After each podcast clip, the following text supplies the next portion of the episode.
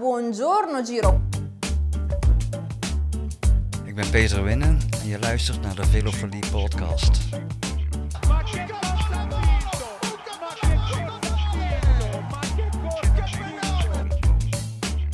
Ik ben José de Kouwer en je luistert naar de Velofilie podcast. De Velofilie podcast.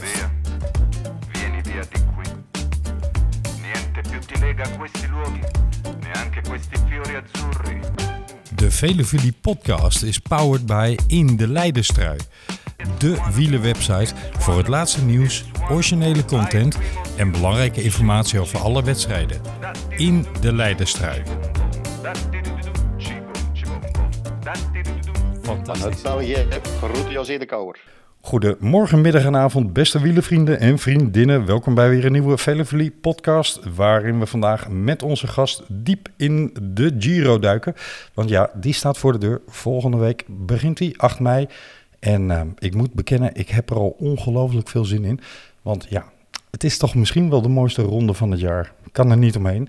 We gaan dat ook even aan onze gast vragen en ik zal onze gast kort introduceren. Het is de godvader van het dumolisme, veelvuldig literair prijswinnaar, bankzitter in de Giro bij de Rode Lantaarn. Gefeliciteerd mannen van de Rode Lantaarn met jullie prachtige aanwinst. Ben ik stiekem toch wel een beetje jaloers op. En hij is een grote wielerfan en auteur van het vandaag verschenen boek Fietsen om niet aan te komen. Een paar dagen na thuiskomst keek dokter Pomsky op van haar krusli. Heb je wel bijgehouden wat ik allemaal heb gezegd? Volgens mij was ik in topvorm.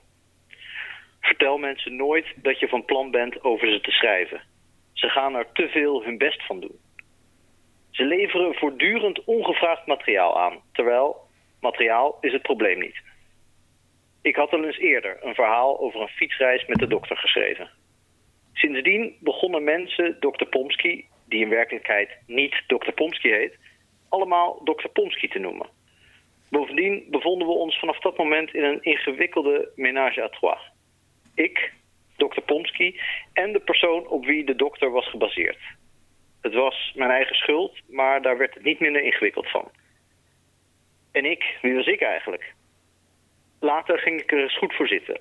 Op mijn bureau lag een notitieboekje dat ik van een redacteur van het radioprogramma van Frits Spits kreeg, zodat ik nog veel meer mooie zinnetjes zou maken.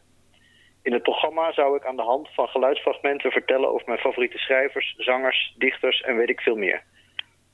Wanneer je bekendheid net boven het vriespunt uitkomt, zeilt er eens in de zoveel tijd een verzoek binnen om een lijstje te maken. Je favoriete schrijvers, sportfilms, dagcremes. Ik blink in weinig dingen uit, maar in bereidwilligheid behoor ik tot de internationale top.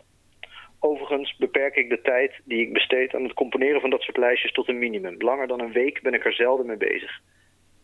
Mijn item werd wegens een brand in de Botlektunnel teruggesnoeid van zes tot drie fragmenten en voor toelichting, toelichting ontbrak de tijd. Zo zweefde Karel van het Reven nog zonder duiding door de ether, terwijl ik alweer in de trein naar huis zat. Met op schoot het zwarte notitieboekje dat nu voor me lag. Een schatkamer vol snedigheden die ik alleen nog maar in de goed juiste volgorde hoefde te zetten. Dat viel tegen.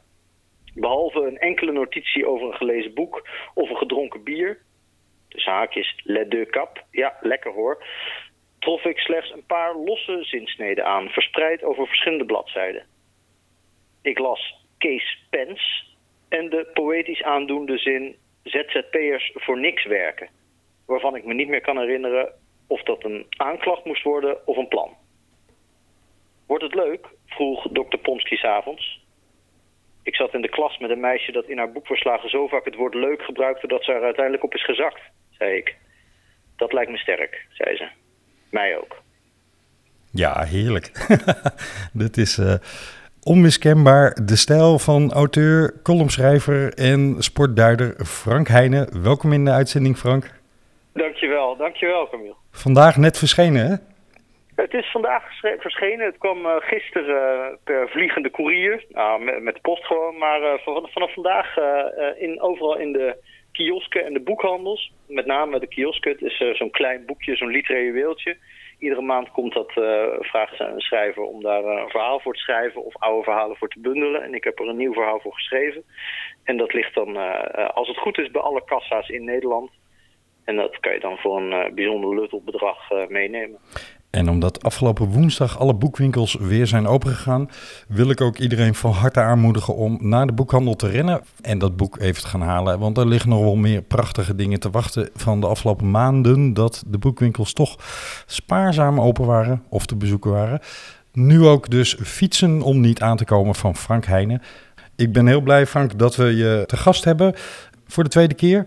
Binnenkort zit je uitgebreid bij eh, de Rode Lantaarn en uh, ga je met hen de Giro duiden. En daarom vind ik het des te leuker dat ook wij met jou even over de Giro mogen hebben. Want ja, um, ik weet niet hoe jij naar de Giro kijkt. Wat, wat, wat heb je met de Giro? Heb je er iets mee?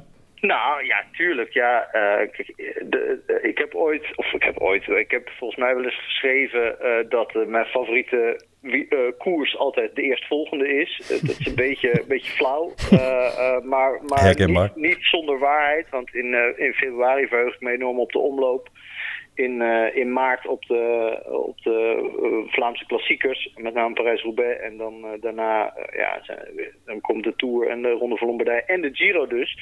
waar altijd de, mi de minste verheugdheid natuurlijk tussen zit, omdat je na Luik al vrij snel eraan toe bent. Ja. Luik is nog maar een paar dagen geleden.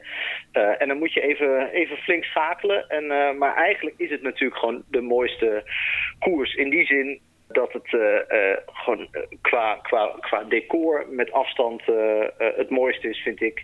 Ik vind Italië een waanzinnig mooi land. Met name, ik bedoel, de natuur is, is overal mooi. in de grote rondes vaak. hoewel het in Spanje ook wel eens heel erg saai kan zijn. Maar het, in Italië vind ik ook bijvoorbeeld de dorpen en de steden waar ze, waar ze doorheen komen, vind ik schitterend. Ik vind ook de lelijkheid van Italië vaak uh, mooier lelijk dan de lelijkheid van Frankrijk of Spanje. Dus ja. nee, ik ben, ik ben nou, Italofiel is een beetje overdreven, maar ik ben wel echt een enorme Italië-liefhebber. Ik ben er heel vaak geweest. Uh, ik heb ook uh, lang overwogen en dat eigenlijk, uh, die overweging is eigenlijk nog steeds om er een tijdje te gaan wonen.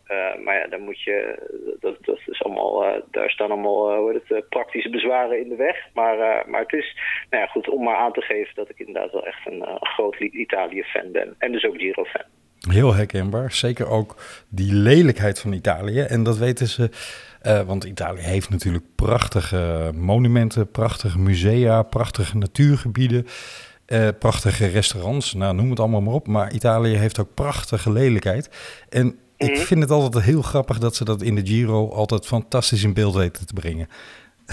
ze, schro ja. ze schromen niet om de lelijkheid van een dorp gewoon pontificaal op camera. Hopzee. Ja, nee, dat is, ja ik, ik, ik hou, hou inderdaad ook erg gewoon van de, van de, van de industrieterreinen en van de, uh, van, ja, van, de, van de buitenwijken en van ook ja, soms de, de lelijkheid van, van, uh, van, van, van, aankomsten waarvan je denkt, oh je kan ook in zo'n mooi dorpje finishen, wat ze trouwens ook heel vaak doen op, op een heuvel bijvoorbeeld in zo'n uh, in zo'n oud centrum. Maar soms kiezen ze dan, om welke reden dan ook, voor, uh, voor, het, uh, voor het nieuwe dorp beneden. En dat is vaak uh, tien keer zo ja, minder interessant. Maar ja, ik fantaseer daar dan meteen de, de beste pizzeria bij. Omdat je, als je in het oude centrum gaat, dan, dan, dan, daar zitten alle toeristen en alle mensen die, die niet verder kijken. En dan, dan, dan, denk je altijd natuurlijk dat, je, dat jij zelf die ene toerist bent die, die net wat stuggerder is. En die dan, die dan ergens naast een tankstation de perfecte pizza vindt. Dus die, ga maar die, zeg maar die, beetje die competitiviteit die ik ook op vakantie uh, uh, niet los kan laten, die, uh, die kan ik dan daar ook de vrije loop in laten, in die fantasie. Ja, ik, ik moet zeggen, ik ben net als jij heel vaak in Italië geweest en ik hou ontzettend van Italië. en ik heb ook een ongelooflijke hekel aan bepaalde verschijnselen in Italië. Dat is het mooie haatliefde. Maar mm -hmm. um, ik herken dat, dat je denkt, ja, beste mensen, jullie zitten allemaal hier op het plein rond de Dom in Milaan. Moet je überhaupt ja. niet heen gaan hoor, Milaan oei, wat een lelijke stad. Maar um, als je dan toch, nou laten we zeggen, in uh, Firenze bij de Dom zit, dan denk ik altijd, als je nou drie straten verder loopt, kom je een geweldige trattoria tegen en daar kun je ze lekker eten. Och, dat is heel herkenbaar. Je, ja. je, je matigt je altijd net iets meer kennis van het land en van de plek aan waar je bent dan, uh, dan de rest van de mensen. En vaak ten onrechte natuurlijk. Maar, uh, maar ja, dus dat, dat is ook een deel van de, van, van de lol natuurlijk. Je, je geniet er zo van dat je denkt van ja, beter dan, dan ik het nu heb, uh, kunnen andere mensen het moeilijk hebben. Dat is natuurlijk ook wel een heel aangenaam gedachte, of hij nou waar is of niet. Precies, precies. Ehm, heb jij een favoriet gebied of een favoriete streek? Of een, kom je ergens graag? Nou, ik ben op, op veel, uh, in veel verschillende delen wel eens geweest. En uh, een aantal plekken wat vaker. Ik ben de laatste jaren met mijn, met mijn vriendin, zeg maar pre-corona, wat meer, veel in het, in het, wat meer in het zuiden geweest. Dus zowel in Puglia onder andere als, in, als ook onder Napels. Uh, dus richting Agropoli en, uh, en nog, nog wat verder. Uh, de eilanden daar, met name Procida, ben ik, ben ik heel erg weg van. Eiland voor de kust van Napels. En, en, en voor ook de, maar ook, ook in het noorden, dus ik ben ook heel erg weg van Bolzano bijvoorbeeld. en Trento, die, die omgeving, dus het uiterste noorden. Ja, ja de, rond Genua vind ik heel erg mooi. Toscane, hoewel dat erg druk is, kwam ik vroeger als kind veel eigenlijk in de periode dat het steeds populairder werd, dat je het echt met het jaar populairder of drukker zag worden. En ook uh, gewoon uh, als je in Siena op het plein liep, dat je, dat, uh, dat je nou altijd een bekende tegenkwam. gewoon omdat, omdat half Nederland daar, daar rond sjouwde. Dag buurman. En, ja, en dat, en dat is nog altijd fantastisch hoor, maar dat is natuurlijk, dat heeft wat dat betreft iets aan, aan ongereptheid, of behoorlijk wat aan ongereptheid gewonnen of verloren. Maar het is nog altijd weergeloos mooi. Ze komen nu ook weer door, uh, door een streek waar ik vaak geweest ben. Uh, de Giro zag ik. En da daar verheug ik me ook heel erg op, want die beelden zijn schitterend. Ja. Uh, nee, ja, echt. in de, zowel de steden als de dorpen. ja, ik kan, ik kan hierover blijven praten. Ja, maar, ik ook. Ik ook. Al is het maar dat de Giro ook altijd aan wijn verbonden is.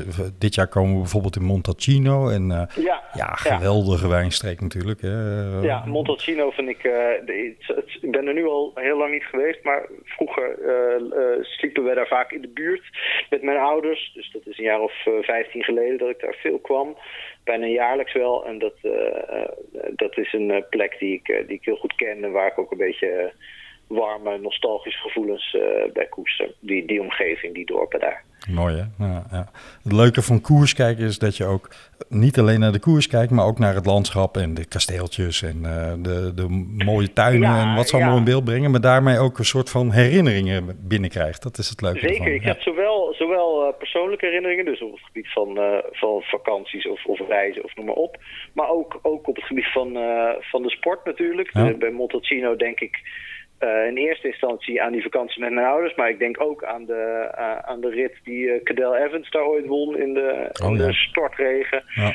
toen ze over het Sterrato hadden gereden. Echt een van de mooiste etappes van de Giro in de laatste jaren, denk ik. Dat is alweer tien jaar geleden, denk ik. Maar dat is echt... zo, zo, ja, dat is natuurlijk het aardige als ze op vaste plekken regelmatig langskomen. Dat je een soort van archief in je hoofd opbouwt van, van mooie herinneringen en grappige verhalen die, die aan die plek verbonden zijn.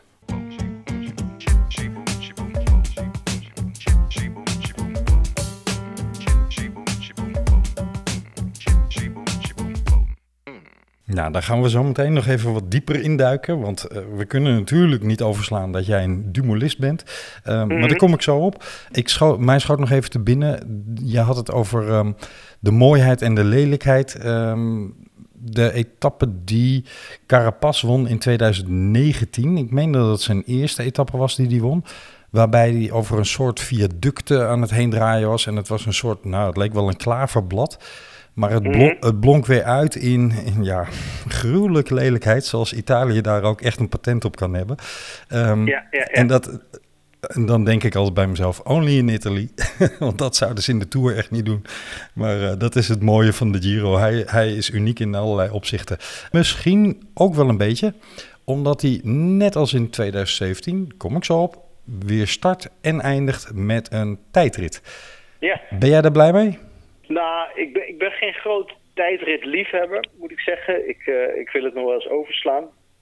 Toevallig heb ik uh, gisteren een verhaal afgemaakt over, uh, over Pogacar. Dat gaat er weer over de Tour. Dus dat, dat komt nog wel een andere keer. Maar dat, daar had ik onder andere een alinea over het feit dat ik die, die klimtijdrit naar de Planche de Belleville op de laatste kilometer na eigenlijk helemaal niet gezien heb. Omdat ik er gewoon blind van uitging dat het, uh, dat het best wel saai zou worden. Ik hou gewoon niet zo van tijdritten. Ik vind het, vind het niet zo leuk om naar te kijken. Uh, ik ben niet zo geïnteresseerd in zeg maar, de fysieke hoe het, vergelijking tussen die verschillende renners. En, en materiaal en zo kan me ook niet zo heel veel schelen. Dus ik, ik ben er nooit zo'n nooit zo'n fan van. Ik denk, ja, die, de, daar, daar kan je het verhaal van, van de etappe vaak echt beter s'avonds uh, in de uitslag teruglezen. Maar ja, goed, je zag bij die Planche de vier tijdrit dat, uh, dat je daar ook aardig mis kan zitten.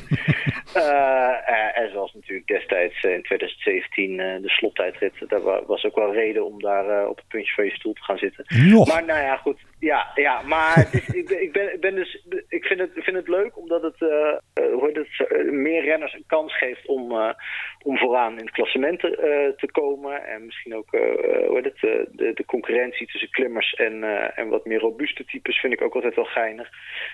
niet zoals in Spanje, waarin vaak zoveel aankomsten en zo stijl bergop dat er, dat er eigenlijk maar twee of drie echt kans maken. Ja. Vooraf al, omdat, het, omdat je gewoon kan uittekenen dat de beste klimmer daar gaat winnen. en nu, nu zou het kunnen dat het een aardige strijd wordt tussen, uh, tussen de iets mindere klimmers en de, met een betere ploeg bijvoorbeeld, of de goede tijdrijders. Nou ja, zoals in 2017. Dus, uh, Dumoulin was natuurlijk een van de beste klimmers, maar hij was vermoedelijk niet de allerbeste klimmer die Giro. En toch won die, gewoon omdat hij de meest complete renner was. Dus ik bedoel, als kijker vind ik het niet altijd even leuk, maar over de lengte van de wedstrijd is het vaak, uh, vaak wel interessant dat het gewoon uh, een meer uitgebalanceerd uh, geheel is daardoor, de wedstrijd. Ik, ik luister belangstellend en denk ondertussen bij mezelf... Oh, oh, oh, hoe kan je dat nou zeggen, Frank? Want ik ben een enorm tijdritliefhebber. maar ik ga je niet, niet proberen over te halen. Dat is, nee, weet ik uit ervaring, vergeef ze moeite. Maar, dat was niet bedoeld als persoonlijke aanval. Maar het nee, is, nee, nee. Uh, nee, maar ik, ik, ik bedoel, ik ben gewoon een groot wielerliefhebber genoeg om te kijken, omdat, omdat je gewoon, je moet ook een beetje investeren hè, in zo'n uh, in zo'n grote ronde. Dus je moet ook, kijk, ik hou ook niet heel erg van vlakke sprintetappes, maar je moet gewoon, uh, je, je, je committeert je aan zo'n wedstrijd of niet. En, als je daar, ja. en, en dan moet je gewoon ook een beetje de, de, de mooie, je kan niet alleen de, de hoogtepunten bekijken. Je moet ook de dagen ertussen hebben dat er eigenlijk geen, geen, geen hout gebeurt. Uh, en voor mij is dat dus ook een beetje de tijdrit eigenlijk. Behalve als er wat op het spel staat voor het klassement. Maar zeker in het begin denk ik, nou ja, goed, zal wel. Ik ben het helemaal met je eens. Je moet ook die 240 kilometer vlakke etappen... waar je eigenlijk alleen maar de laatste anderhalf kilometer van hoeft te kijken... want dan gebeurt er inderdaad verder bijna niks... behalve een kopgroep die teruggehaald wordt. Maar die hoort erbij. Die moet je gewoon doorzetten. Een soort ja, Calvinistische je, instelling. Je moet ook zelf een beetje afzien... zodat je ja. dat ook zeg maar de, de lol van een, weet ik veel, finestre-etappe... Dat, die, dat je die ook verdiend hebt, zeg maar. Precies, precies. Ik kom zo eventjes, want het bruggetje hebben we nu inmiddels al twee keer zien opdoemen... De de Giro van 2017. Maar ik wil eerst even bij um, ja, het Dumoulisme of een Dumulista zijn. Um, je hebt het al eens eerder bij ons in de podcast verteld, maar voor de nieuwe luisteraars. Eigenlijk is een Dumulist zijn bij jou begonnen. Wil je dat verhaal nog eens een keer vertellen? Ja, dat wil ik wel vertellen. Ja, ik heb ooit, dat is inmiddels uh, zes jaar geleden, ja, ongeveer zes jaar geleden begon dat. Uh, toen startte de Tour uh, met een proloog in Utrecht. Ja. Uh, ik woonde en woon nog steeds uh, in, het, in het centrum van Utrecht. Dus, dus nou, ik, ik zat helemaal in die bubbel van, van gele opwinding, zeg maar. De, langzaam werd alles uh, geel in Utrecht. iedereen deed opeens iets met wielrennen. de, de, de opwinding was, was vrij algemeen. Terwijl natuurlijk als je wielerliefhebber bent, dan weet je... dan, dan is je opwinding vaak best wel particulier. En dan moet je een beetje op zoek naar mensen die, die dat met je delen. Ja. Uh, uh, en, uh, en nu was het opeens, ja, begreep iedereen waar het over ging en, en verheugde iedereen zich. En die sfeer vond ik, vond ik ontzettend leuk om een keer mee te maken van zo dichtbij. Of daar middenin te zitten. En, en toen schreef ik eigenlijk vrij onschuldig, nou ja, dat was ook wel, maar het liep een beetje uit de hand, stukje over over Dumoulin en de hoop dat hij uh, de, de gele trui zou pakken in, uh, in, de, in de proloog, in de eerste tijdrit. En, uh, en dat, noemde ik toen, ik ben een Dumoulist. En, en dat, dat kwam eigenlijk doordat hij, dat, ik verzon gewoon dat woord. En het Dumoulisme, dat was dan zeg maar de hoop dat hij ooit de gele trui zou halen of eigenlijk de Tour zou gaan winnen. Uh, en nou ja, dat werd heel veel gedeeld. En uh, het Skoers, uh, waar ik ook veel voor geschreven heb en waar ik veel bij betrokken ben geweest, die, die, die gingen t-shirts maken met ik ben een Dumoulist. Die werden ook heel goed verkocht. Dus opeens werd dat een soort, soort woord wat een eigen leven ging leiden. En een, een hashtag en noem maar op. en het was eigenlijk gewoon een, een, vrij, vrij vrolijk en verheugend stukje. Ja. En toen, ja, toen werd Dumoulin paar keer naar gevraagd. Van, goh, in Nederland denkt iedereen dat je gaat winnen. En, en er worden al t-shirts met, gele t-shirts met je naam verkocht. En wat vind je daarvan? En daar was hij eigenlijk niet zo over te spreken. Toen heb ik er nog een, paar, nog een stukje aan gewijd natuurlijk. En over dat het alleen maar de hoop was. En dat hij zich niet onder druk gezet moest voelen en zo. Nou ja, goed, dat, dat, het was natuurlijk allemaal maar klein. En die, die druk kwam lang niet alleen van mij. En van de mensen die mijn stukjes lazen. Maar die was, die was natuurlijk vrij nationaal. En hij, hij won toen niet. Hij werd, dacht ik, vierde, weet ik niet zeker. Uh, het was natuurlijk niet zijn grote specialiteit, zo'n korte tijdrit. Uh, reed hem tegen, tegen echt mensen die, dat, uh, die daar gewoon net wat beter in waren, zeker toen. Ja. En, en daarnaast het eigenlijk ben ik dat af en toe blijven gebruiken. Ik heb er nog eens een keer een groot muurverhaal over geschreven. En ik ben er in een column nog wel eens op teruggekomen. En het, absolute hoogtepunt van het dumolisme was natuurlijk in 2017. Toen die, toen die de Giro won, dat had ik de, destijds in 2015 nog helemaal niet kunnen voorzien. Hij zelf volgens mij ook niet dat hij ooit een, echt een, ka een, kanshebber voor een eind, eindzege in de grote ronde zou zijn. En plots was hij dat. En, en, en was dat dumolisme, was, ja, kon ik weer uit de kast halen als, als, een, als, als een soort ja, parodie op een religie. Uh, van mensen die, uh, die uh, hopen op, op een derde Nederlandse toerwinnaar. Daar, daar kwam het eigenlijk op neer, ja. met, met alle ironie van die. Ik wil zo meteen dat aspect wat je aandraagt over de druk nog even op een andere manier naar voren halen. Um, ja. Ten aanzien van Remco Evenepoel bijvoorbeeld. Maar mm. um, eerst even over het dumolisme. zonder dat dat ook maar enige reflectie heeft op zeg maar de beweging of het idee wat jij toen gestart bent... Heb je, heb je achteraf het idee van, uh, hmm, ja, in de huidige situatie van Dumoulin was dat misschien een beetje de aanzet tot waar hij uiteindelijk allemaal van zegt, ja, hmm, ik weet niet of ik daar nog behoefte aan heb, of zie je dat heel anders? Nou, dat, is, dat geef je jezelf echt veel te veel uh, credits. Of, uh, uh, en ik denk überhaupt fans en, en journalisten. dat, ik, dat zal allemaal, allemaal voor een klein deel een rol spelen. En hij zal het misschien niet helemaal begrijpen de, uh, als, als, als ik zo'n uh, zo'n lyrisch stuk over hem schrijf. Want, want hij is zelf heel nuchter en hij ja, realiseert heel erg zijn eigen, uh, zijn eigen bestaan. En hij, hij, hij ja, hij hij hij, ik denk niet dat hij helemaal de, de, de lol vat van, van daar helemaal in opgaan, zeg maar dus nou ja, dat, dat, zou kunnen. Maar ik nee, kijk, het gaat natuurlijk om die druk die hij zich, uh, zichzelf en zijn ploeg uh, uh, of de, mensen om zich heen oplegt. En, en de, de totale overgave die je moet hebben om, om, om te kunnen doen wat hij wil doen. En dat is eigenlijk nog maar één ding en dat is de Tour winnen.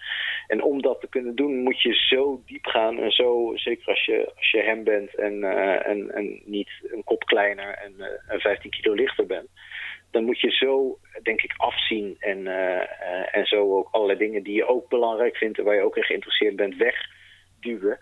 Dat je daar wel een beetje uh, ja, somber of gedeprimeerd voor kan worden. En dat snap ik heel goed. Dus kijk, kijk als je verder niet zoveel interesses of, of belangstellingen hebt, dan is het misschien makkelijker om je vo volledig je leven tien jaar in dienst te stellen van, van zo hard mogelijk op een fiets rijden. Ja, ja. En proberen geel te halen.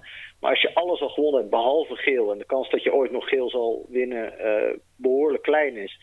Dan, dan, dan, begrijp ik wel dat de, de, de kans of de, de, de zin om je daar nog weer drie jaar volledig aan, uh, uh, aan op te branden... niet alleen fysiek, maar ook echt geestelijk. Dus, en, en misschien ja, dingen te doen die je misschien niet, niet, niet als nuttig beschouwt. Terwijl ja, wat is nuttig? Kan je, kan je van alles over zeggen. Maar als je dat zelf niet meer inziet dan, uh, dan houdt het een beetje op. Dus ik, ik, ik denk niet dat dat uh, ook maar iets met de druk van... kijk, er is natuurlijk wel druk van buiten en die, die heeft hij niet gewaardeerd. Maar goed, dat ging dan met name over mensen die in zijn tuin stonden en zo. Nou, ja. Ik heb nooit, in zijn, ik heb nooit in ieder geval nooit onuitgenodigd in zijn tuin gestaan.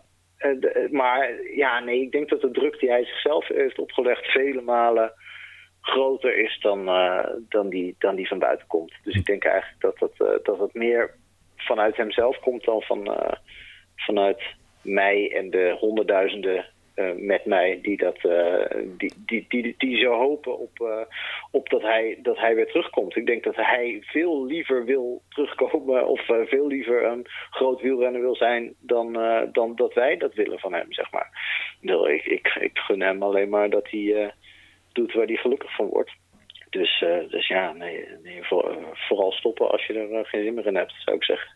Al is het maar omdat het natuurlijk geen enkele zin heeft om te gaan fietsen als je eigenlijk intrinsiek helemaal niet gemotiveerd bent. Want daar is die sport wel eh, te hard en te eenzijdig en te monomaan voor om, om dat goed te kunnen doen. Ja, en, en hij heeft gewoon de, het, het geluk en de, en de tragiek misschien dat hij, dat hij meer kan dan dat. Dus het is niet... ja, hij kan gewoon gaan studeren, hij kan andere dingen doen, hij kan zich eh, v- verdiepen in eh, allerlei onderwerpen. Hij begon over dat hij, dat hij zichzelf zo nutteloos voelde in de coronaperiode, terwijl zijn vriendin in, Ja. het, eh, in het ziekenhuis aan het werk was.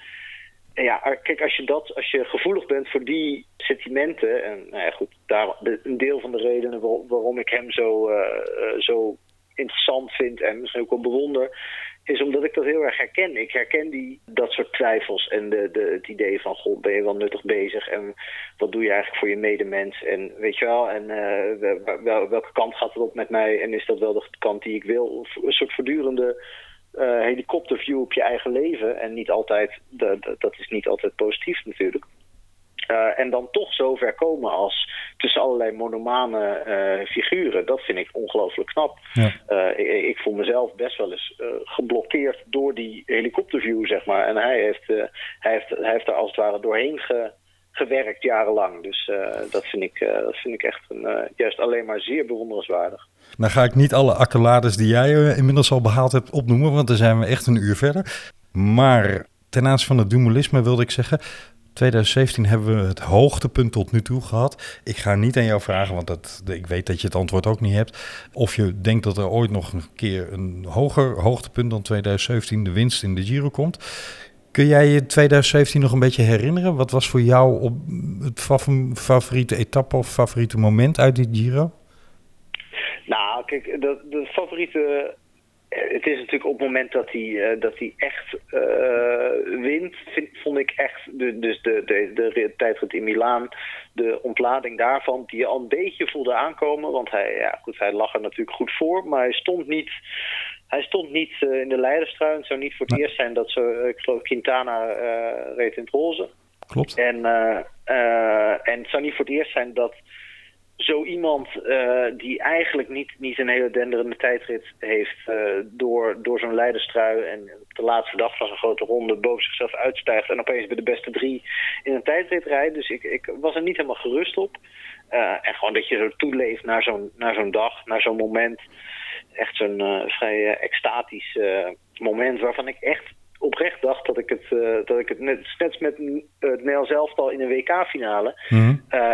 Als je daar, al, zoals ik als klein kind, heel veel over gelezen en over ge- nagedacht en over al, al die oude beelden terug hebt gekeken, dan wordt dat een soort van iets, iets wat niet helemaal echt is. Of wat, wat, waarvan je niet helemaal kan voorstellen dat het ook daadwerkelijk bij leven zou kunnen, zou kunnen gebeuren. Of dat, dat, eh, je, je hoopt er zo op dat het bijna, bijna eh, iets, eh, iets fictioneels wordt. En Ja. dat had ik met, met een eh, Nederlander die een grote ronde wint.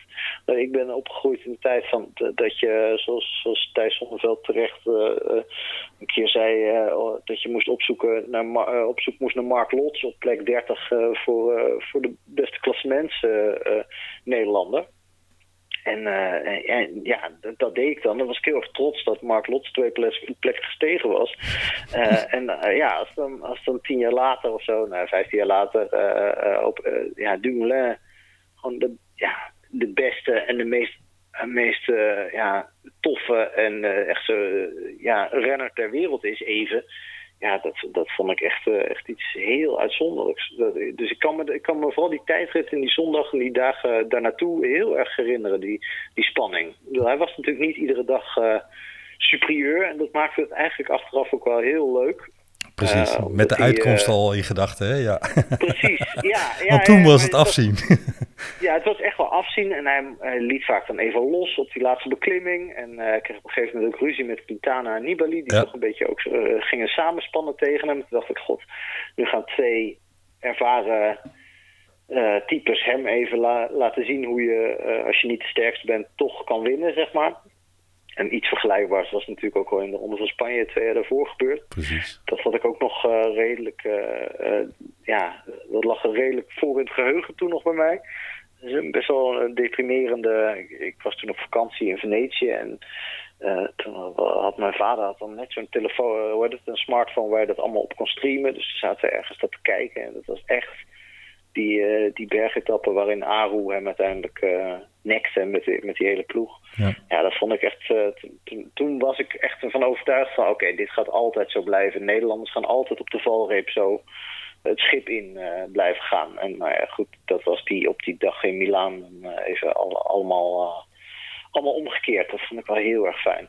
Ik ga mijn favoriete audiofragment even aan de luisteraars laten horen, Frank. Dat is de etappe uit 2017 naar Europa. Waar ja. uh, Carlton Kirby helemaal uit zijn dak gaat, omdat uh, Dumoulin daar precies het tegendeel bewees van wat jij net beschrijft. Namelijk dat idee dat heel goed, maar net niet bij dat laatste, hè, die, net niet die laatste 4% kunnen hebben, of 3% of hoe je het ook wil zeggen. En dat bewees hij vooral in die etappe naar Europa juist ja, heel erg wel. Ja, ja. ja. Dus uh, we gaan even naar dat audiofragment luisteren. Yes. This is our start today, Castellania, and it's a reasonably short run of 131 kilometres that we're dealing with. Two intermediate sprints and just one climb, but it's a big one up to Europa. Here's Zakarin, he's going to pick it up, he's going to have a go. Now, this is a big move from this man. Can he possibly make this stick? Zakarin goes for it, starts to dig, and uh, the alarm bells go off. Adam Yates goes in, Pozzovivo goes in as well. Nibali tries to stay with him as well, and Quintana's also going to get onto it. Principal movers here. Quintana's coming over to him. Is it going to be all about these two? Zakarin says no. It's going to be a sweet day for me, he says. Nibali can't respond. Dumoulin goes. Dumoulin's going to pick this up. Here he is. This is about Dumoulin saying, listen, I'm not just a time trialist. I'm a man who can go on mountains as well. He goes, he punches. He's a big air block as well. He's offering up some aero and he's dragging back in Ponzavivo here as well as Nibali who's here for a free ride. Let's see what he can do in terms of stretching this advantage. It's back down to six seconds, but I think that clock's going to go the other way at the moment. No, Dumoulin responds. Fantastic performance by Tom Dumoulin. He's holding it at six seconds, and Quintana knows he can't shake him. Here we go, 1800 metres to go, and the gap's nearly gone. Well, Tom Dumoulin, what a job he's doing. He's even managed to drop Adam Yates now, who's been sitting on the wheel. Coming back though is Tom Dumoulin. Now who's he dragging in for the stage victory? Zakarin is there. Uh, Dumoulin, out the the way. thing he's concerned about is this man. Um, oh, they're getting involved. I'm afraid with the race. Get out of there, you idiots! Here comes uh, Dumoulin. Goodness me, And what's he goes. He does, he goes, and Zakarin goes with him. Dumoulin's going for this. He wants to win up a mountain. He doesn't want to just be a time trialist. He wants to be a hero. He's got a lot to John as well. There goes Nibali. He's gone backwards. What a day. What a moment. Now can Quintana get back on it? Come on, he says. Do a little bit of work. I can't do everything on my own. Zakarin picks it up, he goes round, dropped. Quintana's dropped, this is space, Zakarin's going for it, this is bonuses up for grabs, Zakarin's going off, he's going to take the stage win, but look who he's guiding in here, it's Dumoulin, Dumoulin, king of this mountain, he's slashed everybody down with it with a blade in his hand, and he might just come through to take the day, oh he's going to, here he goes, picks it up, Dumoulin has done it, king of the mountain, king of the hills, king of the time trial, and I think king in waiting of this Giro d'Italia. Wow, what about that? Ja, geweldig commentaar van eh, Carlton Kirby. En eh, ik moet zeggen, ik kijk dit fragment ook altijd heel graag eh, terug. Het is, het is een beetje vergelijkbaar met dat. Ik weet niet meer op welke berg dat was, of ik ben het even kwijt. In de Vuelta, hè? eh, in de Vuelta Ja. eh, Froome nog eh, klopte. Ja, dat is echt waanzinnig. Dat, dat werd laatst weer over. Het, oh, was het zoveel jaar geleden, werd het op Twitter weer gedeeld. En ook toen eh, Dumoulin had aan- aangekondigd dat hij, dat hij er tijdelijk mee ophield, toen werd dat, dat, dat fragment werd weer rondgestuurd. Dat was echt, echt waanzinnig. Ik was dat helemaal eh, een beetje vergeten hoe indrukwekkend dat eigenlijk was. Ja, nog steeds krijg ik er wel kippenvel van hoor, als ik dat kijk. Terwijl ik toch de uitkomst inmiddels al lang weet. Ehm, Ja. dat is mooi hè, van de wielersport. Je had het net over die, ja, dat, dat verschijnsel dat Nederlanders het net niet hebben. Daar hebben we natuurlijk eh, in de recente geschiedenis nog wel twee mooie voorbeelden van. De voor mij in ieder geval meest pijnlijke vind ik nog steeds die van Steven Kruiswijk. Met name omdat uh, de haai van Messina daarvan profiteerde in 2016. Hè?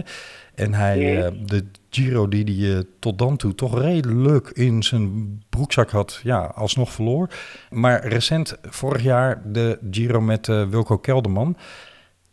Ja, Nee, ja, ik, ik, uh, ik, weet, het, ik weet het nog precies. Uh, dit, zijn, dit zijn hele pijnlijke wondes die hier open... Mm -hmm. Nou, ik, ik moet zeggen, die, die van Kruiswijk, die vond ik ook in die zin nog pijnlijker. Omdat, uh, wat, wat mij betreft, hij die...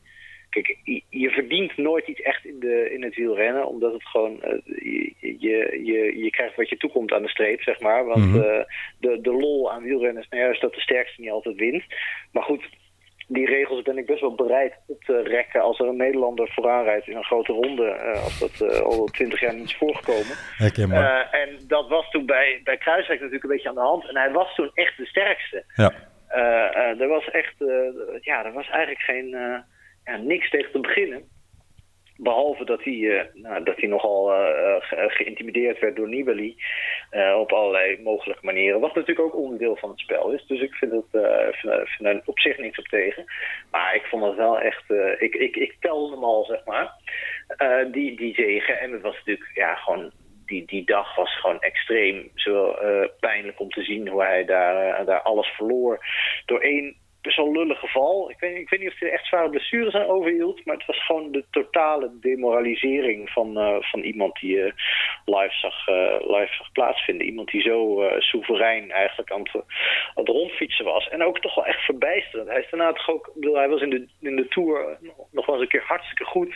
En hij is eigenlijk altijd heel steady. Maar zo goed en zo indrukwekkend is hij nooit meer geweest. En ja, lijkt me heel sterk dat hij dat nog eens een keer... Uh, ja, alles, alles viel toen goed tot, die, tot dat moment, zeg maar. Ik vond dat echt doodzonde. En, en bij Kelderman is het, vind ik het anders, omdat, ik, omdat hij op geen enkel moment wat mij betreft de allerbeste leek in die Giro. Dus kon, kon daar goed mee leven dat hij, uh, dat hij derde werd. Omdat ik eigenlijk dacht van, god, die, die rit bijvoorbeeld dat hij met Hart en Hindley naar de streep reed.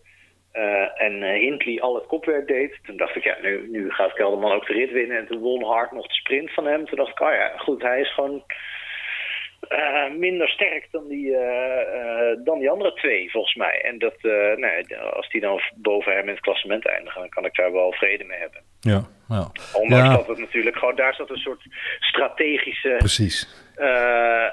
wat mij betreft mispeer van, van heb ik jou daarin. Uh, kijk, het is natuurlijk allemaal enorm achteraf gepraat en vanaf de bank en noem maar op. En uh, ik weet niet wat, wat er allemaal nog meer meespeelt, los van de zenuwen en de, hoe heet het, allerlei voorkeuren en renners die weggaan en niet weggaan. Wat allemaal, allemaal ongetwijfeld meespeelde, maar in de praktijk was het natuurlijk gewoon zo dat je, dat je iemand die, die de Giro leek te gaan winnen enorm voorbij zag gereden zag worden. En je wist gewoon, er komt nu een stuk van, weet ik veel, 10 kilometer vlak.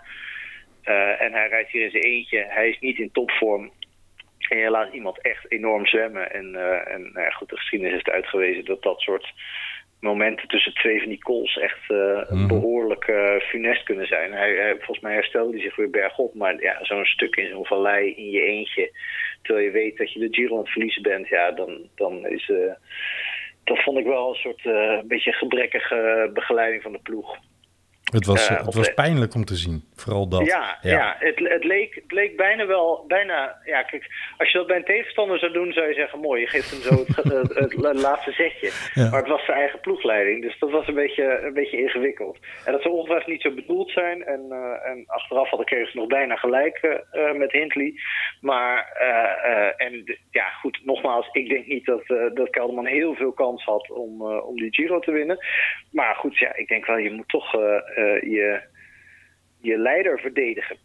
Of al eerder zeggen we gaan voor iemand anders, want, uh, want hij is niet goed genoeg. Maar nu zwommen ze eigenlijk uh, allemaal. Hindley zwom, Kelderman zwom en de ploegleiding zwom helemaal. Dus het was volstrekt onduidelijk wat ze, daar, wat ze nou precies van plan waren.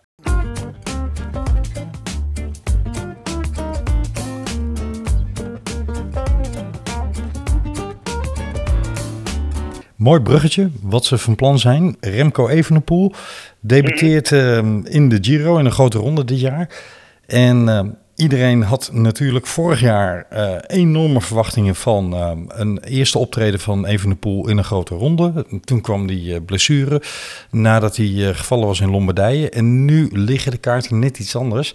Althans, de meningen zijn verdeeld. Vanuit de ploeg en vanuit Remco wordt gecommuniceerd vanuit de Koning Quickstep dat hij echt als knecht van Almeida gaat. Hoe kijk jij er tegenaan? Is dat een rookgordijn? Ja, eh, kijk, het, het, het lijkt me niet een, eh, iemand met, heel, met, een enorm, met een enorm knechtenkarakter, eh even de poel. Dus het lijkt me iemand die als hij, als hij in vorm is of een goede dag heeft. Ik denk wel echt dat ze denkt van, goh, we- nemen Almeida voor het klassement. En die kan eh, misschien wel op het podium rijden of, eh, of een mooie bergetappen winnen. Eh, dat zit ook allemaal wel in, want zo goed bezet is de Giro eh, nou ook weer niet. Ehm, maar ik denk wel dat Evenepoel iemand is die als hij eh, na een week een beetje warm gedraaid is, dat hij, dat hij ook niet gaat wachten op, eh, op Almeida. Het lijkt me ook iemand met enorm veel eergevoel. Ja. En, eh, en, en ook wel gewoon natuurlijk, als je het over druk hebt, dat is daar nog wat meer. Mhm. Dus hij ook wel het gevoel heeft dat als hij in de eerste grote ronde zit en de, eh, eh, dat, hij, dat hij zich dan moet waarmaken. En dat voor minder dan twee etappenzegers ze, het in België ook niet doen, zeg maar. Dus daar, daar zal hij ongetwijfeld achterheen zitten als het, als het erin zit. En het schijnt dat Almeida weggaat aan het eind van het seizoen. Dus ehm, ja, dat, kan, eh, dat gaan we strak in de gaten houden. Dat kan wel eens mooie Nee, ja, intriges zo, opleveren. Even, Evenepoel heeft een contract voor eh, tot het einde der tijden volgens mij getekend daar. Ja, 800 En jaar een zoiets. Belg en, eh, en, en heeft natuurlijk in potentie gewoon de, de kans om de Tour de France te winnen met zijn talent. En dat, bij Almeida kun je dat afvragen. Omdat hij eh, wel wat beperkingen heeft, denk ik, die Evenepoel niet heeft eh, op de lange termijn. Maar, maar dus ja, als je in een van de twee moet investeren of een van de twee te vriend moet houden, dan, dan weet je wel eh, voor wie ze kiezen daar. Mhm. En Lefevre is natuurlijk dol op, dol op een van de twee, zou ik maar zeggen. En, maar ja, en dus ja, kijk, als, als, het fysiek gewoon niet gaat, dan is het natuurlijk ook pijnlijk om hem, eh, om, om, om hem zo, weet ik veel, in een tweede groepje iedere bergetappe te zien, eh, te zien afzien. Ja. Dan is het misschien voor alle partijen beter als hij, eh, als hij heel indrukwekkend een berg op kop rijdt en zich dan aan de kant zet. Precies. Dat is misschien gewoon voor het beeld, voor alle partijen het, het beste. Ja, ja. Ik, ik, heb, Maar ik vind het moeilijk te peilen hoor. Wat, wat, Ja, hij is heel moeilijk te peilen. Het is, hij, heeft, hij heeft geen enkele koers meer gereden. Hè? Maar Eh, dus, eh, dus ja, en ja, hij schijnt toch wel zwaar geblesseerd eh, geweest te zijn. Of De, de, iedere keer le- bleek dat dan toch weer zwaarder dan, dan het er toch al uitzag. Ik weet nog dat toen die viel, dat ik echt even ook in de keuken ging staan. Ik dacht zo meteen zoomen ze in op een, op een, een dood lichaam. ja. Toen in de ronde van Lombardije, dat was echt vrij, vrij afschuwelijk. Eh, maar ja, nee, het is, het is eh, een wa- een waanzinnige jongen die ook een beetje, dat lijkt me het lastig voor iemand als Almeida of voor iedereen die met hem in de ploeg zit. Ja, die, eh, die niet te voorspellen is, zeg maar. En dat, dus, dus als hij, geen, als hij niet als kopman gaat, ik zou, ik zou hem toch niet vertrouwen, zeg maar. Al, Nee, ik zou hem niet als meesterknecht willen hebben, laat ik het zo zeggen, als ik Almeida was. nee, precies. Nee. Nee. Ja, de, de druk op, eh op Evenepoel, je refereerde er al even aan, die is natuurlijk enorm. Onlangs zei Adrie van der Poel dat de druk op renners in het algemeen bijna ongezond aan het worden is. En toen dacht ik bij mezelf, zijn wij, de wielenpodcasten, eh, iedereen die op social media met, met wielrennen bezig is, en jij bijvoorbeeld als wielercommunist, zijn wij daar een overkill in aan het creëren? Of Eh, moeten ja, die nee. wielrenners gewoon niet zo zeuren? Eh, dat, ja, kijk, ik, ik weet niet of het, of dat klopt. Kijk, kijk, op het moment dat er, eh, ja, nee, het zal ongetwijfeld eh, kloppen dat eh, Mathieu bijvoorbeeld meer druk heeft en ervaart dan, dan, dan zijn vader destijds, die, die natuurlijk ook gewoon een van de beste renners ter wereld was. Dus, dus enigszins vergelijkbaar. En dat de, het aantal aanvragen en de, de, de status gewoon totaal niet vergelijkbaar is, zeg maar, met, Ja. tussen die twee. Maar ja, dat is natuurlijk in het hele leven zo, tot op zekere hoogte. En dat zie je bij, bij beroemde mensen en mensen die, die heet het, eh, aantrekkelijk zijn of, eh, voor, voor, voor fans, voor sponsors, voor andere mensen in het algemeen. Ja, zal dat, is dat natuurlijk een wat groter issue dan voor, dan voor, voor mensen die ja, die gewoon thuis op de bank zitten, zou ik maar zeggen. Dus, ik bedoel, ja, als je nu een, eh, een, een ZZP'er bent die, die, die boeken ontwerpt of die eh, eh, tekeningen maakt en je, en je wil aan de bak komen, dan moet je ook gewoon heel veel meer beheersen dan 30 jaar geleden. In de zin van PR, in de zin van jezelf voortdurend onder de aandacht brengen. eh, 16 social media accounts onderhouden, een site onderhouden. Ja. Dat hoeft destijds ook allemaal niet. Nee. Toen- Dan had je gewoon een portfolio dat je rondstuurde, eh, vermoed ik. Maar snap je, dus het is, ja, ik weet niet, dat, het is een beetje ingewikkeld. Ik zou dat toch niet, eh, ik wil ook niet de druk helemaal van, van, van weghalen van, of de schuldvraag daarin weghalen van, eh, eh, van mezelf of van eh, mensen zoals ik. Maar ik vind het altijd een beetje ingewikkeld, omdat dat nou eenmaal gewoon de dynamiek is die we met elkaar hebben gecreëerd en die ook gewoon een beetje buiten ons om bestaat gewoon. Dus ja, dat, dat, dat, dat is nou eenmaal zo. Die podcasts zijn er gewoon. Ja. Eh, de, dat, is, eh, dat is een eh, wet van vraag en aanbod, zou je kunnen zeggen. En een technologische, van technologische vooruitgang. Ja, dat, ik, ik vind, dat, vind dat wel ingewikkeld. Bovendien is het natuurlijk, worden renners alleen maar interessanter voor sponsors en noem maar op. Precies. Dus het is, eh, de, worden ze daar ook eh, ruimer voor vergoed dan destijds. Dat wilde ik net aanhalen. Dat, eh, ja. Ja, ja, en het is de, de, de gouden, eh, wat ook wel wordt vergeten. Ik bedoel, er zit absoluut een negatieve kant aan hoor. Ik heb daar destijds ook over geschreven in de, in het, eh, in de nasleep van de Groenewegen Jacobs eh, ellende. Eh, een, een stuk over dat eh, Marijn Zeeman ook zo bij zichzelf te raden ging dat hij misschien Groenewegen wat te zeer had opgefokt gedurende die coronatijd. En dat, dat ploegleiders misschien hun renners wel iets meer moeten afremmen in plaats van opfokken. En dat ik toen ook bij mezelf te raden ging van, goh ja, wat, welke rol speel ik daar dan in? In het, in het omhoog schrijven van mensen die extreem veel risico nemen of de heroïek van het wielrennen bezingen enzovoort. Eh, dat iedereen kan, dat is, daar is niks tegen om bij jezelf te raden, daarover te raden te gaan. De- ik denk niet dat er een oplossing voor is. En, en anderzijds, eh, iemand als Van der Poel, 30 jaar geleden eh, zou die, was hij echt volledig afhankelijk van wat een paar journalisten of mensen op televisie over hem zeiden. Nu kan hij zelf zijn eigen eh, verhaal als het ware uitdragen via de ploeg, via Ja. Instagram, via YouTube. Dan kun je je eigen beeld en je eigen waarheid en je eigen verhaal altijd vertellen. Dus als er een, journalist die, die 30 jaar geleden een hekel aan je had, eh, die kon hele nare dingen op televisie zeggen. En dat was bijna niet te corrigeren voor jou als, als, eh, als eh, bekendheid, als bekende sporter. En nu kun je daar gewoon dezelfde avond kun je dat nog rechtbreien online. Dus wat dat betreft is de macht ook veel meer richting sporters of richting bekende mensen verschoven. Dat is natuurlijk de, de andere kant van de zaak. En zo hoort het natuurlijk ook, hè, dat je de regie over je eigen verhaal veel meer zelf eh, kunt beheersen. Ja, ja goed, dus daar, daar, zijn, eh, daar zijn natuurlijk mensen zoals ik eh, niet, niet altijd bij mee gediend. Of nou ja, ik heb er niet zo heel erg last van. Maar als je echt een journalist bent die op, eh, op nieuws uit is en, da- en gewoon voor de krant schrijft of voor, eh, voor een, voor een tv-zender werkt, dan is het natuurlijk best wel irritant als, als sporters of andere of politici gewoon hun eigen verhaal wel vertellen. Jou niet meer nodig hebben voor, om, om hun verhaal te vertellen. Dat, dat is natuurlijk. dat Ja, dat klopt. wel- wel Ja, dat is weer de keerzijde. Ja. dat, daar zit best wel een keerzijde aan. Ja. Dus, het is, het is, dus de druk wordt, neemt toe, maar het is, het, is niet zo, het is niet alleen maar sneu, zeg maar. Ik snap de, ik snap de moeilijkheid wel. Chips, chips.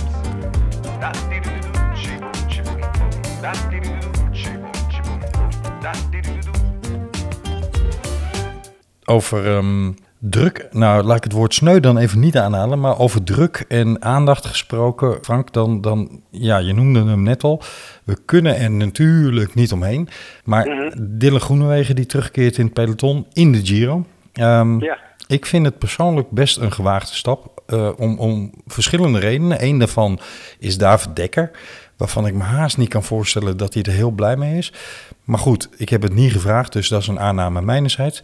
Eh, Maar anderzijds ook omdat, ja, eh, ik denk je kunt beter terugkeren in de Ronde van Hongarije dan in de Giro. Wat betreft het langzaamaan weer in dat peloton eh, groeien. Hoe kijk jij daarnaar? Ik- Dat vind ik heel ingewikkeld. Ik vond, het verbaasde me zeer, maar dat bericht. En, Mhm. en, en ik weet ook niet in hoeverre dit eh, uit, nood geboren is. Of dat dat, dat een bewuste afweging is. is. Heeft zich iemand afgemeld, volgens mij, Chris Harper, dacht ik, dat hij eh, niet- kan rijden. eh, ja, misschien hadden ze niemand anders. Maar goed, ik denk ja, een ploeg als, als Jumbo-Visma zou altijd nog wel een, eh, zou altijd wel iemand anders kunnen opstellen als het, als het moet. Giro is natuurlijk geen hoofddoel. Dat zie je wel aan de rest van de, van de selectie. Ja. Eh, maar ja, ja ik, ik weet het niet zo goed. Je kan zeggen, je bent er in één keer doorheen.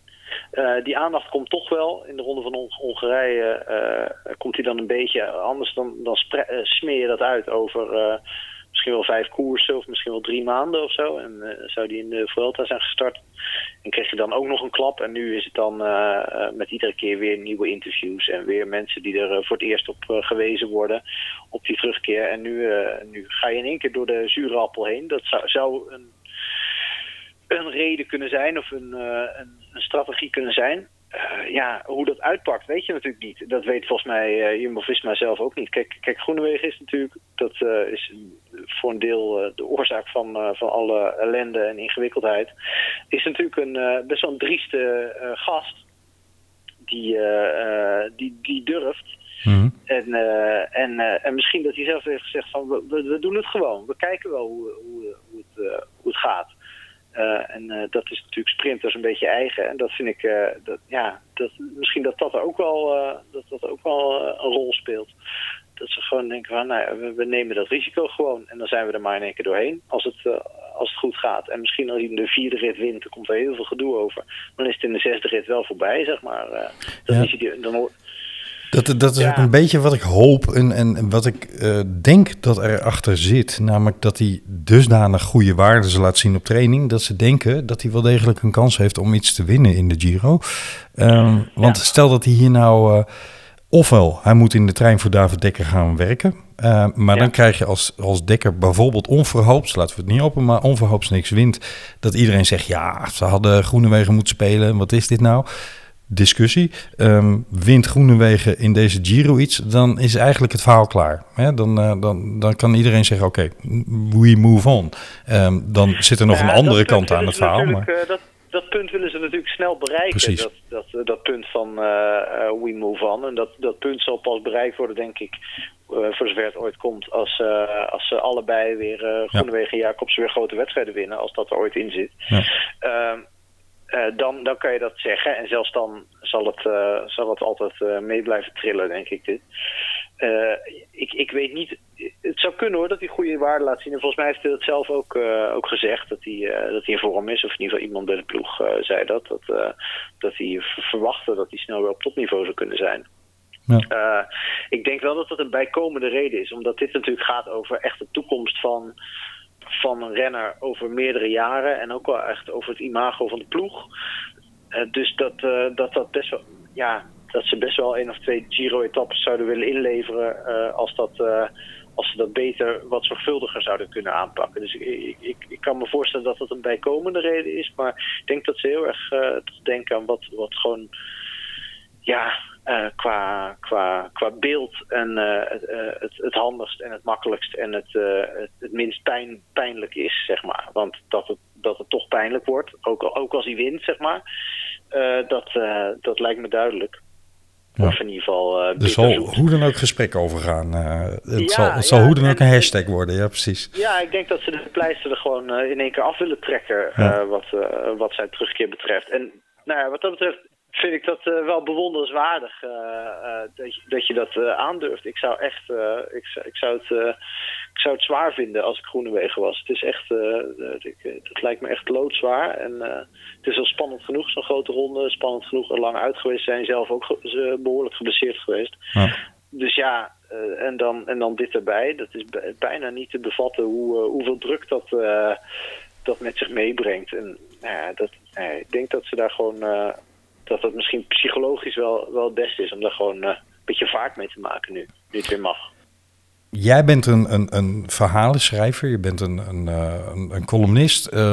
Ja. Wielrennen is bij uitstek eh, misschien wel de mooiste sport om prachtige verhalen uit naar voren te halen. Omdat het niet alleen maar gaat over die ene winnaar. Hè, er zijn nog zoveel meer verhalen eh, uit, uit te peuren. Um, Een van de dingen die ik persoonlijk heel erg mooi vind in het wielrennen zijn uh, de fetes, hè, de, de grote twee strijden tussen bijvoorbeeld, zoals we die nu weer hebben, uh, Wout, van de, uh, Wout van de Poel, hoe mij nou, Wout van Aert en Mathieu van der Poel. Um, ja. Ik uh, herinner me nog levendige etappes waarbij Jumbo-Visma en Mobistar elkaar in de weg zitten enzovoorts.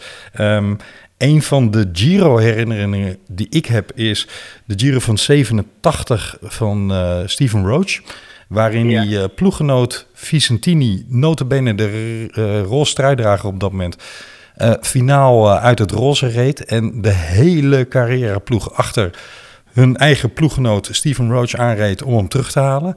Um, mm -hmm. Ja, geweldige verhalen. Van welke verhalen hou jij het meest in, in de wielersport? Nou ja, ik, ik ben de, dat loopt nog uiteen. Wat jij nu vertelt, daar kan ik ook enorm van genieten. En dat is natuurlijk vooral als je zit te kijken, dat je weet je weet vaak wel iets als je het wielrennen een beetje volgt en er wat over leest en hoort. Uh, dan, dan weet je wel welke renners elkaar misschien niet mogen of die misschien een verleden hebben. Of renners die uh, afgelopen jaar in de Vuelta had je uh, dat opeens Movistar begon te rijden achter Carapaz aan. Toen hij nog probeerde de Roglic uit, het, mm-hmm. uit de lijst te rijden. En ja. dat dan de suggestie toch was dat Carapaz niet zo leuk was weggegaan bij Movistar. Of in ieder geval voor wat geld was weggegaan. Uh, nou goed, dus dat soort voortdurende intriges tijdens wedstrijden, daar kan ik ook enorm van genieten. Nou, ik, ik ben heel erg ge, geïnteresseerd en gefascineerd en heb ik ook ontzettend veel over geschreven over renners, ja, renners na hun carrière. Dus wat, wat doen mensen die ooit wielrenner zijn geweest eigenlijk? Stopte de wielrennen wel op het moment dat, dat de wielrenner stopt? daar heb ik de Vergeten Renners serie jarenlang heel ja. intensief bijgehouden voor, voor het koers. En daar ben ik ook weer mee, mee verder gegaan sinds, sinds een jaar ongeveer. Dat, dat heeft uit koers opgeleverd, mijn eerste boek.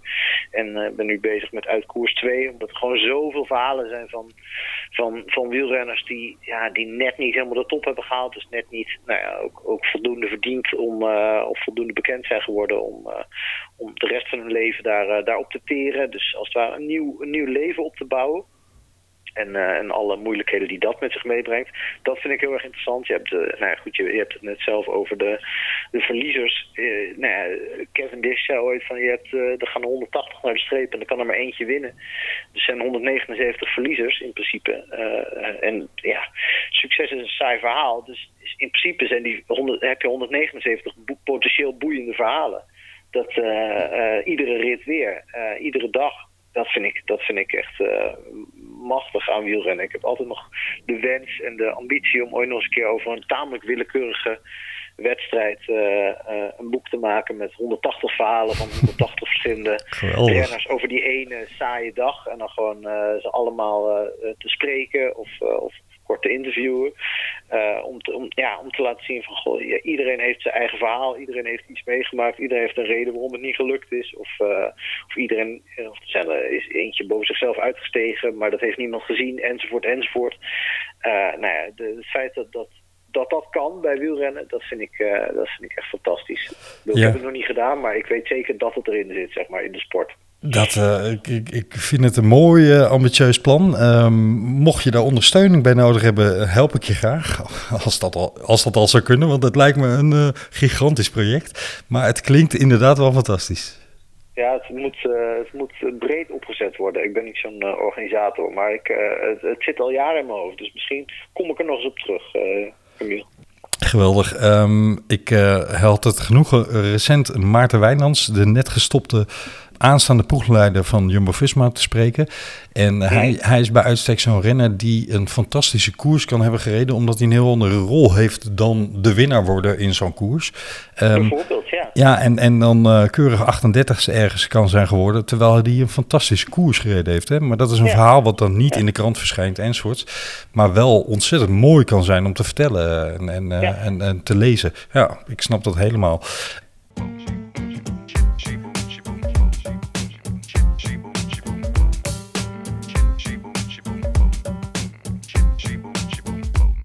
We gaan langzaam richting een afsluiting, Frank. Um, ja. Ik wil eigenlijk eh, eh, even naar de, de, het parcours van de Giro toe werken, want daar hebben we het helemaal niet over gehad. Er zijn ook andere podcasten voor om dat te doen. Dat was niet eh, mijn insteek van ons gesprek. Ik wilde juist gewoon die heerlijke verhalen uit de Giro eh, met, je, met je bespreken.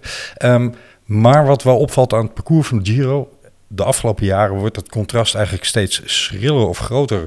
Ehm, is dat Giro een klassieke ronde blijft. Daar waar de Tour en de Vuelta steeds meer veranderen. En, en eh, de Giro is eigenlijk het klassieke element onder de drie eh, eh, grote rondes. We hebben een, een eerste week met een hoop sprint- en punchkansen. Heel interessant. En stiekem zit er ook al wel echt een aantal hele vieze kuiten bij het zin. Dan hebben we een hele stiekeme zware tweede week. En we gaan weer zo'n afgrijzelijke monster derde week in. Maakt dat de Giro tot de mooiste ronde van het jaar? Nou, de, de opbouw van de ritten vind ik eigenlijk het minst, het minste aan bijdragen. Dus misschien vind ik dat, is dat ook wel... Ik snap wat je bedoelt. En ik denk ook wel dat het... eh, eh, eh, zo- Zo'n monsterlijke zware derde week vind ik, vind ik, vind ik te gek. Eh, met als bezwaar dat je dan vaak in de eerste rit of in de eerste week veel valpartijen hebt. Mhm. Dat, eh, eh, dat is niet een wet van mede en persen, maar toch wel vaak eh kans wel groter. Omdat gewoon de mensen zijn wat, wat fitter. Er zijn wat meer renners die denken dat ze kans maken om te winnen of vooraan het klassement te zitten. Ja. Dus- en later ook juist niet. Ja, klopt. Ja, ja, dus daar zit wel. De, ik ben, ik ben ontzettende s- scheiter wat betreft valpartijen. Dus ik ben, daar ben ik niet heel erg. Eh, ik vind dat echt eh, heel naar om te zien. En eh, als, er, als er wordt aangekondigd dat er een stuk is waar, dat, waar het heel gevaarlijk is, dan, dan, ga ik gewoon iets anders doen. Dus dat, wat dat betreft ben ik er niet heel erg voor. Maar het is wel. De, de, de, er zitten natuurlijk gewoon. nou ja, wa- wat ik al eerder zei, ik ben gewoon weg van Italië. De, ook als het heel lelijk is, kijk ik gewoon naar wat er, ja, wie er langs de kant staat. We, gewoon, ik ben ook dol op Italianen, terwijl eh, niet per se. Eh, er zijn ook heel veel redenen om helemaal niet dol te op Italianen, maar, maar die, die negeer ik allemaal. Eh, eh, maar, dus ik kan gewoon echt enorm genieten van, al, van, het, van het decor eigenlijk. En ja, wat ik al zei, sprintetappes en, en, zelfs van die etappes met zo'n zo'n laatste kilometer tegen zo'n hellinkje op, vind ik eigenlijk niet zo interessant of vaak een beetje eng. Maar, maar ik kijk ze wel omdat ik gewoon. En je moet, dat, je moet gewoon door, de, door, door, de, door het verhaal heen, als het ware. Ook door de slappe stukken van een geweldige roman moet je, moet je heen. En, eh, en dat, dat geldt eigenlijk bij de Giro ook. Maar, maar nou ja, goed. Ik, weet, ik weet niet of het het mooiste, om die reden de mooiste ronde is. Maar, eh, maar nou ja, goed, dat is ook een beetje afwachten. Het parcours is vaak, er wordt er vaak aangekondigd van... God, valt mee de eerste week. En dan eh, is er opeens een waaierrit die niemand had voorzien. Of dan is het enorm hot weer. Ja. Dus- Etappe dus 7 dat dit is- jaar eh, van Ja. eh, Notaresco naar Termoli. Dat, eh, dat kan wel eens een waaieretappe worden. Ja. Ah, kijk aan. Nou ja, kijk, de, maar je weet, of in ieder geval je weet, volgens mij is het vaak zo dat als het wordt aangekondigd, dan gebeurt het nooit. Maar wat dan, dan weet iedereen het en dan, dan, dan zit iedereen tussen, of dan staat de wind niet goed. Of, nou dat is altijd wat. En dan, dan wordt het niet aangekondigd en dan ligt de hele boel al voor de live uitzending in, eh, in stukken. Hoewel, dat, dat zit er dit keer geloof ik niet in, hè, want ze doen alle ri- ritten van start tot finish. Volgens mij ook. Ja, klopt. klopt. Ja. Heb, je, heb je al etappes waar je, die je nu al in je agenda hebt gezet, waar je enorm naar uitkijkt? Om eerlijk te zijn heb ik nog niks in mijn agenda gezet. Eh, ik, eh, in principe kijk ik gewoon als ik kan. En dan hoop ik dat dat een favoriete rit of, mooie ritten zijn. Kijk, als, als er nou echt de laatste weken wat op het spel staat en het gaat om de eindzegen, dan, zal ik, eh, dan zal ik zorgen dat ik vrij ben. Maar dat is natuurlijk het, het eh, voordeel bij het kolossale nadeel dat corona is, is dat je toch meestal toch wel thuis bent. Eh, eh, dus dat je je tijd wat meer zelf kan indelen. Maar nee, ik, die, de rit naar Montalcino, Ja. die, eh, die wil, daar wil ik echt niks van missen. Dat, eh, dat lijkt me eh, om allerlei redenen schitterend. Ik denk dat het een mooi parcours is om, eh, om echt eh, eh, koers op te maken. Maar het is natuurlijk vooral eh, eh, vanuit schitterend esthetisch en nostalgische overwegingen moet het heel erg mooi worden. Mooi, mooi. Ik zal eh, voor de luisteraars een paar, al mocht je nou niet in de gelegenheid zijn om elke dag te kunnen kijken, dan in ieder geval een paar etappes eh, kort aanstippen die je eigenlijk niet zou mogen missen. Etappe 7 dus, van Notaresco naar Termoli. Uh, Waaieretappe, etappe 11, uh, naar Bagno di Romagna. Um, dat is een beetje een stradenachtige finish. De laatste 60 kilometer gaan over onverharde grindpaden. Etappe 14, ja, de Zoncolan. Als, als dat niet in de agenda Oh, verschijnt, ja. dan weet ik het ook niet meer. Ehm, Maar etappe 16, de Passo Podoi, eh Pardoi moet ik zeggen. Eh, dat is de, de Cima-kopie, deze eh, Giro, dus het hoogste punt. Ehm, Mhm. Eindigt bergaf. En dat is juist leuk, omdat dat toch wel een spectaculaire afdaling is. En waarbij de echte goede dalers, ja, die mogen geen, geen supertuk meer doen. Dus eh, kijken hoe dat eh, gaat uitpakken. Etappe 19 hebben we een ontzettende vieze finish met 11,5% Dus ja, dat wordt, eh, wordt ook een mooie. En natuurlijk de afsluitende 30 kilometer individual time trial in Milaan. Ehm, ja, als er nog spanning in het klassement zit, dan, dan wordt die dan wederom beslist. Heb jij ehm, stiekem een favoriet? Of zeg je, nee, helemaal nog niet naar gekeken?